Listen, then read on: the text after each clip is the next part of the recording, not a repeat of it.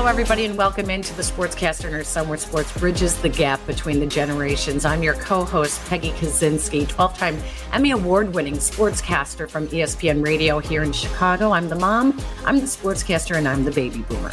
I'm your other co host, Jason Conander. I'm going to be a senior at the University of Texas at Austin. There, I participate in student television. I've also been doing a little blogging on my Substack, but happy to be here, mom.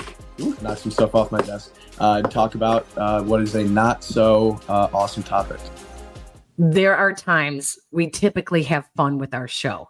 Absolutely. But this is not one of those times. Uh, this is one of those episodes where the dynamic of mother and son hosting a podcast really come into play because it's a topic that we would talk about uh, at home over dinner. Uh, we would talk about this uh, before you left for college. We would talk about this before you actually pledged a fraternity. And I'm talking about the shocking and the disturbing hazing scandal that has uh, unfolded at Northwestern University.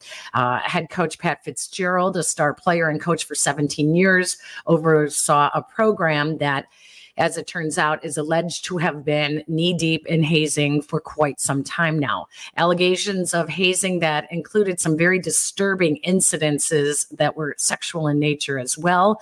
And now some brave men and women, former athletes from Northwestern, are coming forward and filing some lawsuits against the university. It's very tough to talk about this, Jason.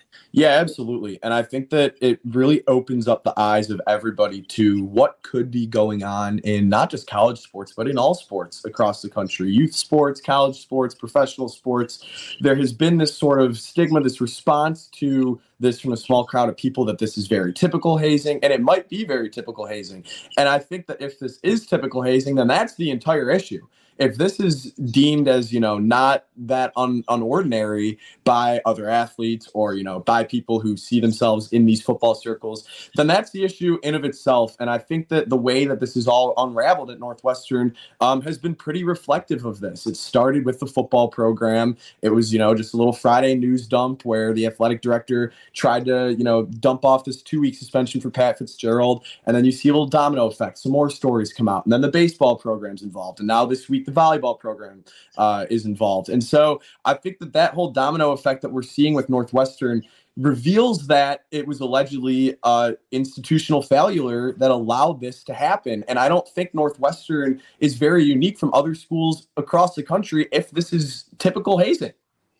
Jason's referring to July 7th when the school announced while Coach Fitzgerald was basically on vacation for summer break and there was no football activity, uh, that he was suspended two weeks um, for an, a school's investigation that found hazing allegations by 11 current or former players. The very next day, the student newspaper at Northwestern, the Daily Northwestern, followed up with details of hazing related activities inside the football locker room and the wrestling locker room at Kenosha, uh, where they would have their what they called Camp Kenosha. And It was their their camp before uh, the school year started. And in that, uh, it included forced participation of nudity between uh, quarterback and centers taking a snap, naked pull ups, uh, something they called the car wash, with offensive linemen being naked, lathering up in soap, and then standing side by side by the showers the entrance to the showers while turning round and round like a car wash so that players would have to rub against them in order to get by. Uh, those were the details that the student newspaper were able to uncover the next day. Two days later, the university president, Michael Schill, then changed Fitzgerald's suspension to a firing. And as Jason just noted, since then, more and more details keep coming forward. Three days after that, the university fired the baseball coach, Jim Foster, for bullying and abusive behavior. The university announced yet another investigation to evaluate the school's accountability measures, and the lawsuits have come filing in. I just want to read this, Jason. The state of Illinois does have a hazing law, and not every state does, but the state of Illinois does. And uh, it says a person commits hazing when he or she knowingly requires the performance of an act by a student or other person in school, college, university, or other educational institution for the purpose of induction or admission into any group, organization, or society. Uh, if one, the act is not sanctioned or authorized by that educational institution, and two, the act results in bodily harm to any person. The sentence for hazing in the state of Illinois is a Class A misdemeanor, except that hazing that results in death or great bodily harm would be a Class 5 felony. So it is against the law. And you can even look at any college handbook for student handbooks, which I was easy, easily able to find Northwestern's online. And they have a detailed list of hazing, how it is defined, what is not allowed. And so um, I won't go through all that, but it's it's interesting to note that um, the university did admit that hazing did went on. The question is, what did they do about it, if anything, and did they do enough? Yeah, I mean, it doesn't seem like they did a whole lot about it, and I think that the whole, you know, the real, the real story here is holding people accountable. And what we have found out through our research and through the way the news has unfolded is this is something that's been happening for a very long time. I mean, Pat Fitzgerald is regarded as one of the greatest players in Northwestern football history, and then he joined the staff, and then he became the head coach. And so to think about the years, the decades of involvement that he had in the program, and to think that he was the one that was overlooking all of this uh, definitely kind of reveals a potential truth that this could have been going on at the school for decades. And to think about the laundry list of victims in that case is just, I mean, it it makes you shudder. It's it's it's scary, and I'm almost surprised that more states don't have an anti-hazing law because it seems like something that should be pretty obviously against the law, pretty obviously wrong. And I think another interesting angle of this is the student handbook the hazing probably refers a little bit more to, or it's probably catered a little bit more to Greek life organizations. I understand Greek life isn't very big at Northwestern. Uh, other student organizations. I think that people sometimes view the sports, at least the big ones on campus, football and basketball, as like a separate entity from these other clubs, other school sponsored activities because they ha- they make the money of you know professional organizations. And so the way that these or that these programs these athletic programs now that so many are being dragged into it so many sports and potentially more schools after this are being dragged into it the way that everybody is held accountable is going to be the most interesting um, most interesting aspect of the story for me. So that'll definitely be something to keep an eye on as more lawsuits are filed as these play themselves out in court. Uh, obviously it's going to be a multi multi year uh, process but seeing the way that everything is tied up at the end will be super interesting for me Jason Councils, Patrick Salvi, and Jennifer Cascio are joining us right now to try to help shed some light on a really difficult topic for a lot of people here. Um, thank you for joining us, both of you. We appreciate it. And and maybe Patrick, if you can help, give us the latest. Um, it seems like every day something else is is happening with the hazing scandal at Northwestern, and more and more athletes seem to be coming forward. Uh, the most recent, what I believe, is the volleyball accuser at this point. Uh, yeah, sure. Well, Peggy and Jason, thanks for having us on.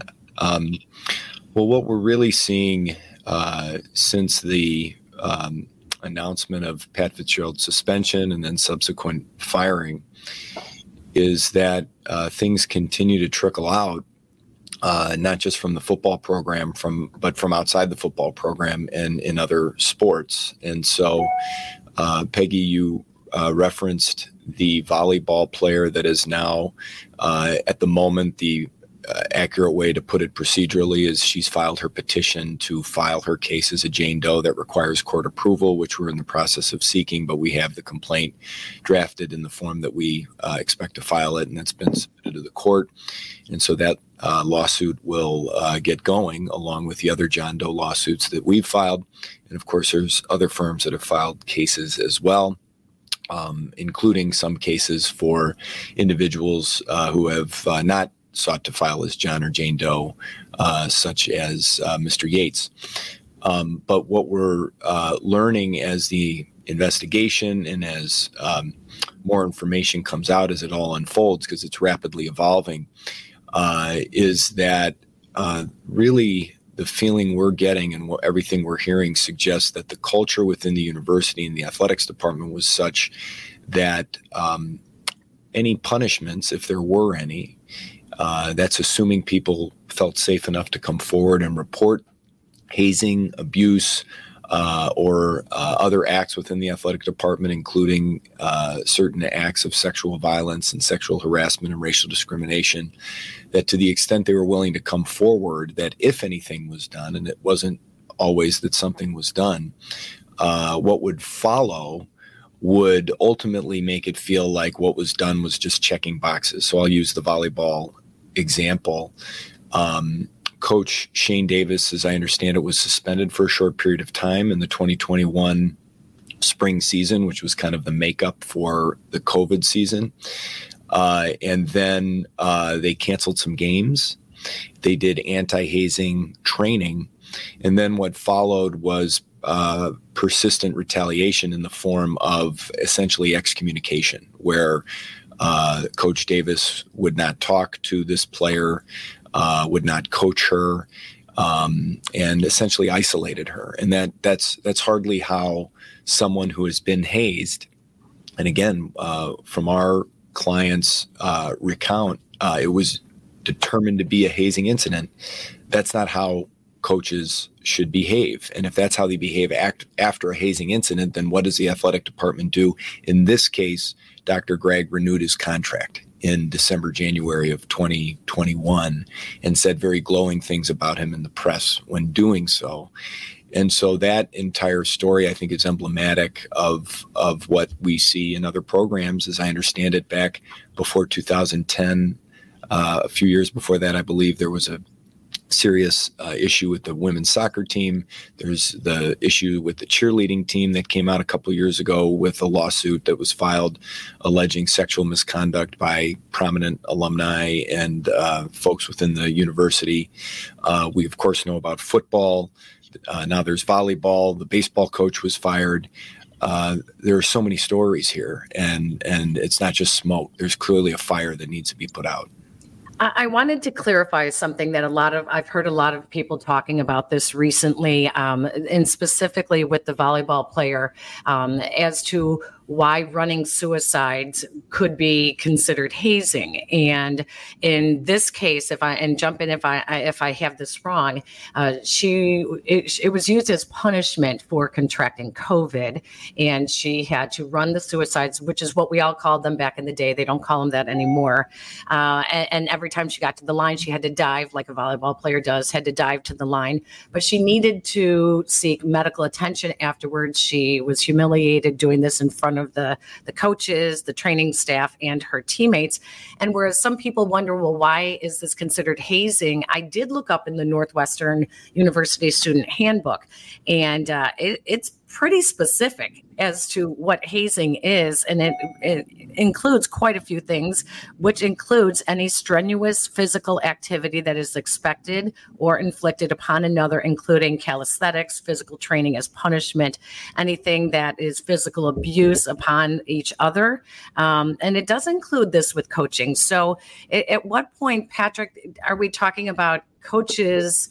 Using something to, I don't know, I guess motivate an athlete and try to get them to become more disciplined? And when is that stepping over the line and becoming hazing? I think it steps over the line when the purpose is really has nothing to do with conditioning or improving performance, but rather uh, embarrassing, humiliating, and in this case, allowing it to go on to the point of physical injury. And so, um, I think if people, uh, I think as as we're able to tell this story more fully, people will appreciate it better. But in essence, uh, our, what our client was made to do run suicides across three volleyball courts that has multiple lines at every line dive on the ground.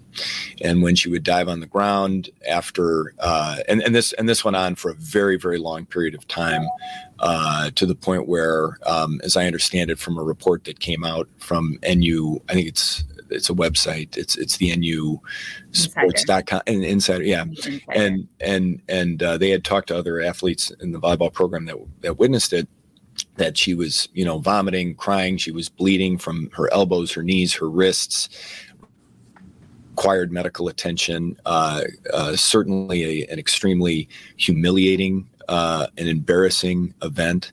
Uh, and, and, and it wasn't an isolated event. Uh, other instances that preceded are described in the complaint. And of course, we don't describe every last shred of evidence in a complaint. That's not how complaints work. Uh, and evidence will be gathered throughout litigation, and we expect more to come. And then, of course, the retaliation afterwards. So you really have to look at the whole picture.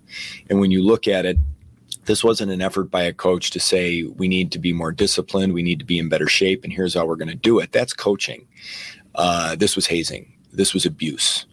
Uh, and uh, our client in her uh, at the time uh, early 20s um, uh, you know a young person who's trying to fit in on the team get playing time be accepted and this is how she's treated by by her coach it's not right and it needs to be rooted out of the sports culture if I can just add one last thing, one before Jason, I know has some questions for you, Jennifer, as well. Um, Patrick, then it, the fact that the school that Northwestern did open an investigation after the volleyball player complained, um, it, was that not enough? Was it not enough what they did or did not do? How does that happen? Like it, it's different because it appears that in football there was no investigations that was opened, but in the volleyball case, she did all the right things and she she opened up a case. There are ways for university athletes where all they have to do is go online and click a little link that that says I have a complaint.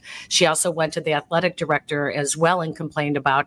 And they they did some hazing training. They did some sensitivity type of training with the volleyball program. So was that not enough what the university did in this case? Well, first of all, it shouldn't happen to begin with. Uh, but but beyond that, um, first, I think it's worth pointing out that she didn't personally report this. She sought medical attention, and it was someone uh, who observed her in that setting that reported it because of how concerning it was that a player would arrive in that shape. And, uh, you know, like I imagine, like any medical history, you describe what happened. And so it was reported like that. So it, it of course, uh, shook someone enough to to figure they ought to report it on her behalf. Um, she did later uh, seek out a conversation with the athletic director, Dr. Gragg, um, and uh, as it's described to us, essentially. Uh, it was again checking boxes without really doing what is necessary to ensure that this isn't part of the Northwestern sports culture. And what I mean by that is, how was there not checking in with our client, checking in with the coach or the coaching staff or the rest of the players after the hazing incident to ensure that which was trained was actually being done. Uh, it wasn't. It wasn't. We know it wasn't. And then his contract was renewed um, in December, January of 20, uh, the 2021 uh, timeframe, indicating that the athletic department didn't really care that this had happened to our client. So, Jennifer, I want to get your perspective here a little bit. I thought that Patrick said something really interesting, not in the last question, the question before, when he said that it's clear that this isn't just smoke, there's an actual story here. Do you guys feel like, you know, you have the gist of all of this, that most of like the meat of the story is out? Or are you guys anticipating in a way that there's still going to be a good amount of people coming forward, not just from the teams where there have already been accusations, but from teams maybe who haven't been involved yet in the investigation? Yeah, I mean, based on based on what we know, I think this is going to expand far beyond football and volleyball. So, you know, the information that we have really does lead us um, to a well established conclusion that this spans across genders and sports and time periods as well. You know, the information that we have really leads us to understand that, you know, this predated the football players who have complaints on file, it predated the volleyball player.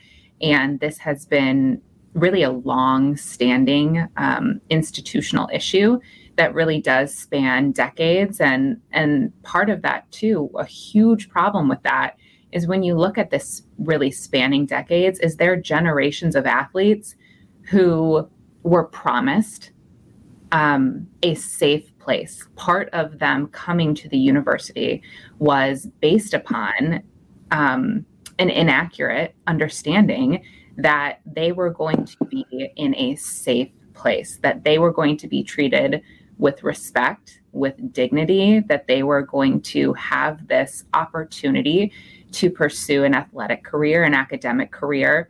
Um, in a safe environment, and that was absolutely not the case. Um, and we will see this expand far beyond volleyball and and football you know, expanding the picture a little bit more here, something that I'm also curious about is the, there's been like a little group of people whose response to the allegations has been, oh, well, this doesn't seem like that uncommon from typical hazing. And my response to that is, well, if that's typical hazing, then I would think that other schools would have a very similar issue. Is there sort of that feeling? Is there an anticipation that, you know, we're going to see a little bit of a domino effect with other schools, other athletic programs across the country?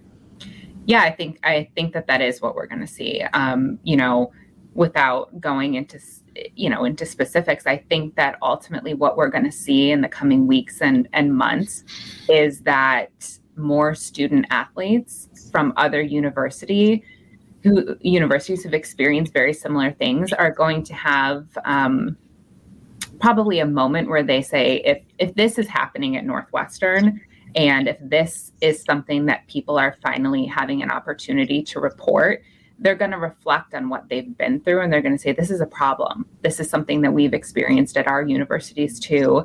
Um, we were taught that it was normal. We were taught that it's something we need to deal with.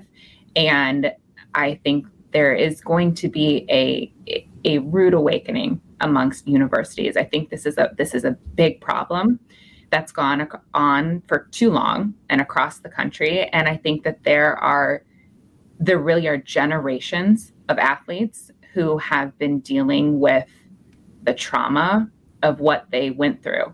And, um, and I do think it's going to be kind of a watershed moment for collegiate athletes. And, you know, one of the things that I hope happens, and probably jumping jumping ahead to some of your questions, but you know what we what we need to see is we do need to see the NCAA actually start waking up and paying attention to this.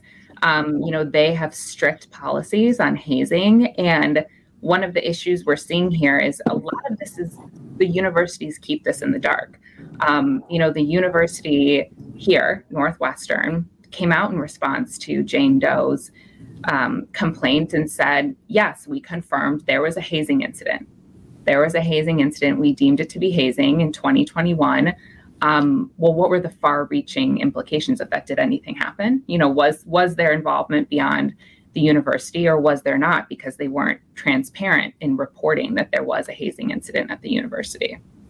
You bring up a great point. Uh, where is the Big Ten? Where is the conference in this, and where is the NCAA? Have they ha, ha, have either of you been in any kind of contact with either you know organization and why are they not also included in any of the legal actions? Sure. So uh, we're not in contact with the ncaa or the big ten. As of right now we don't have uh, reason to believe that information stemming from the specific allegations of abuse and hazing that uh, that we've heard uh, from Northwestern student athletes uh, got to those um, institutions. Um, uh, that doesn't mean uh, we aren't going to keep our eye open as to uh, how that exactly works when we're talking about, for example, the hazing incident that was confirmed as a hazing incident uh, of the volleyball player, uh, client of ours, and whether or not the Big Ten or the NCAA ever knew about that or, or should have. And so we're, we're going to be uh, keeping our eye out. But at this point, it, it, we're focused on uh, the culture within Northwestern, and I think it I think it bears mentioning that you know when these when these folks show up to college as 17 18 typically year old kids i mean let's let's you know I, I, get it you're 18 you can vote you can buy cigarettes um, you can go to war but you're a kid and you show up at college, you show up and, and you're with these other phenomenal athletes. You want to gain acceptance, you want to play, you want your coach to like you, you want to do what's necessary to be a part of the team. And you you haven't had an experience of college athletics. This is your first. And you show up and you're subjected to some of the abhorrent things we heard about the football program. We know within the last year, Coach Foster at the baseball team was he was fired for bullying and intimidation. Uh, we've heard stories about what happened with the cheerleaders. We've heard stories about what happened with the women's soccer team. We've heard personal stories from clients or prospective clients from other sports.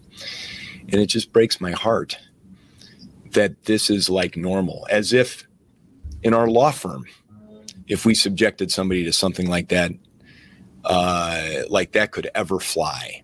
And yet we're doing it to kids to win games. That's what we got to end. That's what's got to end.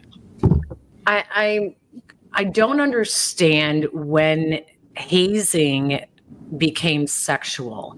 Uh, I remember when I was a reporter at NBC5 in Chicago, uh, boy, stories at Lake Zurich High School and uh, Wheaton College. And I think I had a list last week of at least six high schools um, and small colleges in the Chicagoland area who all went through hazing um, scandals. All of them had sexual overtones. And I thought, isn't this isn't this criminal? Isn't it sexual abuse? Is this not just a, a you know a, a, way of uniting and, and bringing teams together? Um, but it seems to me that it's it's criminal as well. Why no criminal charges? Why have there not been any criminal charges filed? You know, I mean, that's it's a great question. I mean, Illinois specifically. So Illinois has an anti-hazing law um, so, you know, hazing in general is illegal. It's illegal in Illinois. So even if you, you know, you're talking about sexual assault, sexual that I mean, those are crimes. You know, hazing, if it's deemed to be hazing, that's a crime in Illinois. Um, and I think the unfortunate answer to that is that I think there's a lack of awareness as to how widespread this really is. I think you know, if look, in my opinion, if you have one well known incident, you should be looking into the criminal side of it. One victim should be enough. That enough is enough. That should be looked into criminally. But you're right. I mean, it's not. We haven't seen this crossover into the criminal arena. And one problem, as I mentioned, is that I think we they, there's not a good enough view of oh. what the scope of this is. How big is this? How many victims are there? What are the types of things that they're actually going through? But then on top of that, what we're seeing now and what pe- we've seen in the past is when people talk about hazing, there's kind of a visceral reaction. There's a deep divide on how people think about hazing. How there's a very it, you know, it, it's very divisive. It is very divisive. Do I think it's okay? Do I think it should go on anyway? And and people have very strong opinions, and I do think, unfortunately, um, that probably plays a role into the reaction that you know that whether it's prosecutors or politicians, I think there's a real problem in the way that we view hazing. Do if we think it's part of a sports culture that's something that we need to get over quickly. We need to move past the fact that this is just part of sports because, you know, there's there's issues with training, there's issues with coaches being tough. I mean, I was an athlete from a very young age and I was a gymnast and I can look back and I can think, okay, you know, at, at six, maybe should I have had coaches who didn't say X, Y, and Z or what weren't pushing me so hard? That's a separate conversation. I never had a situation to where I felt intimidated or in fear for my physical safety. I never had this crossover into a point where the emotional distress was so severe, you know, that it was causing other issues. And I think people just tend to think coaches need to do what coaches need to do for their team to succeed. And if you are not willing to be kind of tough enough, which is what a lot of people think, then maybe this isn't right for you. And we really need to move past that kind of that thought process with with sports. And I think there needs to be a real understanding that hazing's a crime. It can have traumatic effects on people for years. It's not the way that student athletes, adult athletes, anyone should be treated. And it's it's criminal. And on top of that, look, if, if you want to get into the psychology behind it, if you want people to perform their best, this is not the right way to go mm. about it beyond the fact that it's criminal and it's abusive. But if the goal is for people to bond and to perform at their highest level, this is the antithesis of how to get to that point. and I just to echo what you're saying, Jennifer, I had one parent when I was doing a, an investigation story into hazing. I had one parent tell me, "Well, boys will be boys. They're 18 year old boys, and you know that's just you know what they do. You just got to let that go." But then when we hear you know Lloyd Yates say that um, you know there are guys who are having guys who are having some suicidal thoughts then that that's a problem. That's a that, that breaks your heart at that point. And that's when i always say parents need to be involved and keep your eyes open and listen and talk to your kids. Jason much like i talked to you before mm. you went off to college and and we're going to join a fraternity and and i said i we had a very frank discussion over what kind of hazing might go on uh, in joining a fraternity. And unfortunately, not all parents are having that. And and even if you are having the conversation, the kids may still want to be a part of this group so badly they're going to do anything anyway. So I just wanted to echo that. Yeah. Ahead, yeah. So my last question, and either of you guys could take this, is you know, outside of litigation money, what does justice look like for the accusers here? What does you know, uh, for such a horrible story, such horrible accusations what you know what does a, a, happy ending what does you know what does justice look like for these people who went through allegedly went through such horrible horrible abuse and hazing throughout their time at northwestern? So um, you know certainly it's a civil lawsuit and and you mentioned uh, the prospect of potentially civil damages money damages. Um, and and to me that's that's part of the whole process is um, like I always tell my son, uh, if he does something wrong, you got to do a few things. You have to say you're sorry and mean it. You have to see how you can make it right, so how you can fix it, and then you and then you don't do it again. Um, so uh, we haven't really heard an apology. Uh, not sure one's coming, but we'll you know time will tell. Uh, making it right, fixing it, making up for the harms, that's monetary damages. And then never doing it again, you know, the end of this litigation won't be the last chapter of this story. We talk to people that, despite their experiences, still have this deep love and fondness for Northwestern as a university. Uh, and yet they're suing uh, not to destroy its reputation, but actually quite the opposite, to restore its reputation. Mm. And so it's going to require Northwestern to take a very serious look at this problem. And I hope every institution does, uh, you know, make sure that their house is clean and ensure that not just the policies and procedures and what you have in place written down on a piece of paper exists. That's important, but that you really mean it and that true consequences exist when they're violated. Not slaps on the wrist, sweep it under the rug, move on, keep it quiet. Let's not talk about that anymore. But rather, if something happens, nip that in the bud, do what's necessary to ensure it doesn't happen again. Uh, and take it very seriously every single instance. Because if you do that over time, your culture improves. I think what happened at Northwestern is it was allowed so much over time and it ultimately became ingrained in the culture in various respects. And sweeping it under the rug became the thing to protect the university brand. That now here we are, where the fabric of reality had previously been stretched to its breaking uh, to the breaking point, breaking point, and now it's coming back together. The truth is coming out. People are coming forward, uh, and hopefully that ultimately leads to healing. So, um, I think all of that goes towards helping our clients and others recover from the abuse they've suffered. I think we do need to point out that um, Pat Fitzgerald, uh, the football coach who was fired from Northwestern through his attorney, Dan Webb, uh, has denied the allegations and has denied knowing about it. So I'm curious uh, are you confident that you can prove that he did know that the hazing was going on or that he or any assistant coaches actually took part? I do.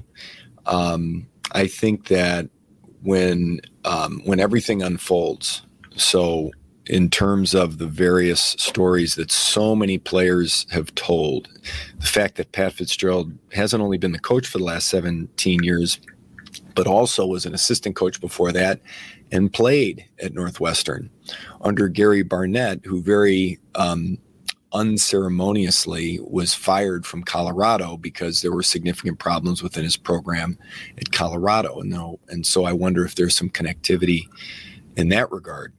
And so the idea that Pat Fitzgerald would know everything that every coach of a major football university and a Power Five conference knows about their players how many calories they're taking, how many bench press, you know, everything, all the minute details that they monitor, that he was unaware of hazing. I find it very hard to believe. And I, and I do know from some clients that some of the hazing took place out on the practice field. It wasn't all in the locker room. And, I, and again, I'm not talking about uh, you're not in good enough condition to play, so we need to get you in better condition. I'm talking about things done for the purpose of humiliation, hazing. Um, so, public statements are one thing, but how evidence unfolds in a lawsuit through written discovery, uh, emails, other documentation, depositions. That's the evidence, and I, I do feel confident we'll be able to prove that Pat Fitzgerald knew about a lot of this. And then my last question is why are the students that did the hazing not included uh, in, these lawsuits? Can you explain that? And I know that Lloyd Yates did address that, um, saying that maybe they, that they they didn't understand what they were doing as much because it was a cultural thing that had been passed down over the years. But could either of you address why not include the students who actually did the hazing as well? Yeah, um, you know, it, it's it's complicated as to you know when we're looking at this kind of culture of allowing hazing to go on. Um, one of the complicated dynamics is you know the students who participated in the hazing um, more likely than not were also victims of hazing themselves and it's kind of a cyclical um, environment where unfortunately we see you know there's that statement hurt people hurt people or um, the abused become the abusers. And here what we're focused on is what was allowed by the institution. What were the systemic issues that this athletic department and this institution allowed to go on? So to focus and kind of change the narrative and and say, you know, well, this was student led or, you know, students participated in it really takes away from the bigger story here, which really is that the university allowed, condoned, and even promoted and at points actively engaged in this in this hazing and perpetuating this culture of hazing. And so to go after to go after students um, you know that most likely were victims themselves is just not it's not really part of the bigger issue here. And it's not it's not really our focus. Our focus is why did the institution allow this for decades? Why were they condoning it promoting it and actively participating it? And what we've really come to hear and you heard this from um, mr yates as well is you know those same people who could have participated in this had been abused themselves. Mm-hmm. And so it's really the cycle um, of abuse that the institution allowed that we're really focusing on here. Civil rights attorney Ben Crump, who is also involved in uh, some of the litigation, uh, has said that he foresees as many as 30 more lawsuits. And I'm wondering if um, either of you would comment on you think that the numbers are going to go up with the number of lawsuits that will be filed in the in the coming weeks? Yeah the, the number will definitely go up in the coming weeks. Um, how high and how rapidly i think remains to be seen because there still remains a chilling effect. Um, we've talked to a lot of people that really struggle with whether or not they want to go forward with this. Um, not because they don't feel like they were abused, they do, um, but because of all the pressures that exist uh, that that serve to prevent them and that have uh, until now served to prevent them from coming forward. And so uh, there's certainly a dynamic here where the football program being called out that's big news uh, because it's the football program that's the most prominent uh, ncaa sport by far when you look at revenue and uh, TV viewing. And so, um, because it is football, uh, that thankfully has provided cover not just for other football players, players from other sports, and uh, and now I think there are a lot of people uh, that played at Northwestern over the years sitting back and thinking, um, you know, this happened to me, it was wrong. Uh, but what are the repercussions if I come forward? Because I feel like I should, uh, but it's hard. And we understand that. And we're trying to work through that with people. And as we do, um, I do believe that the number of lawsuits will continue to increase. Where exactly it goes, um, you know, we'll have to wait and see. Patrick Salvi and Jennifer Cascio, thank you so much for taking the time to join us and to shed some light on, um, you know, how how the whole hazing scandal came to be and where it may be headed. Uh, you have your hands full. Thank you very much for joining us. Thank you for having us. Yeah, thank you, Peggy and Jason.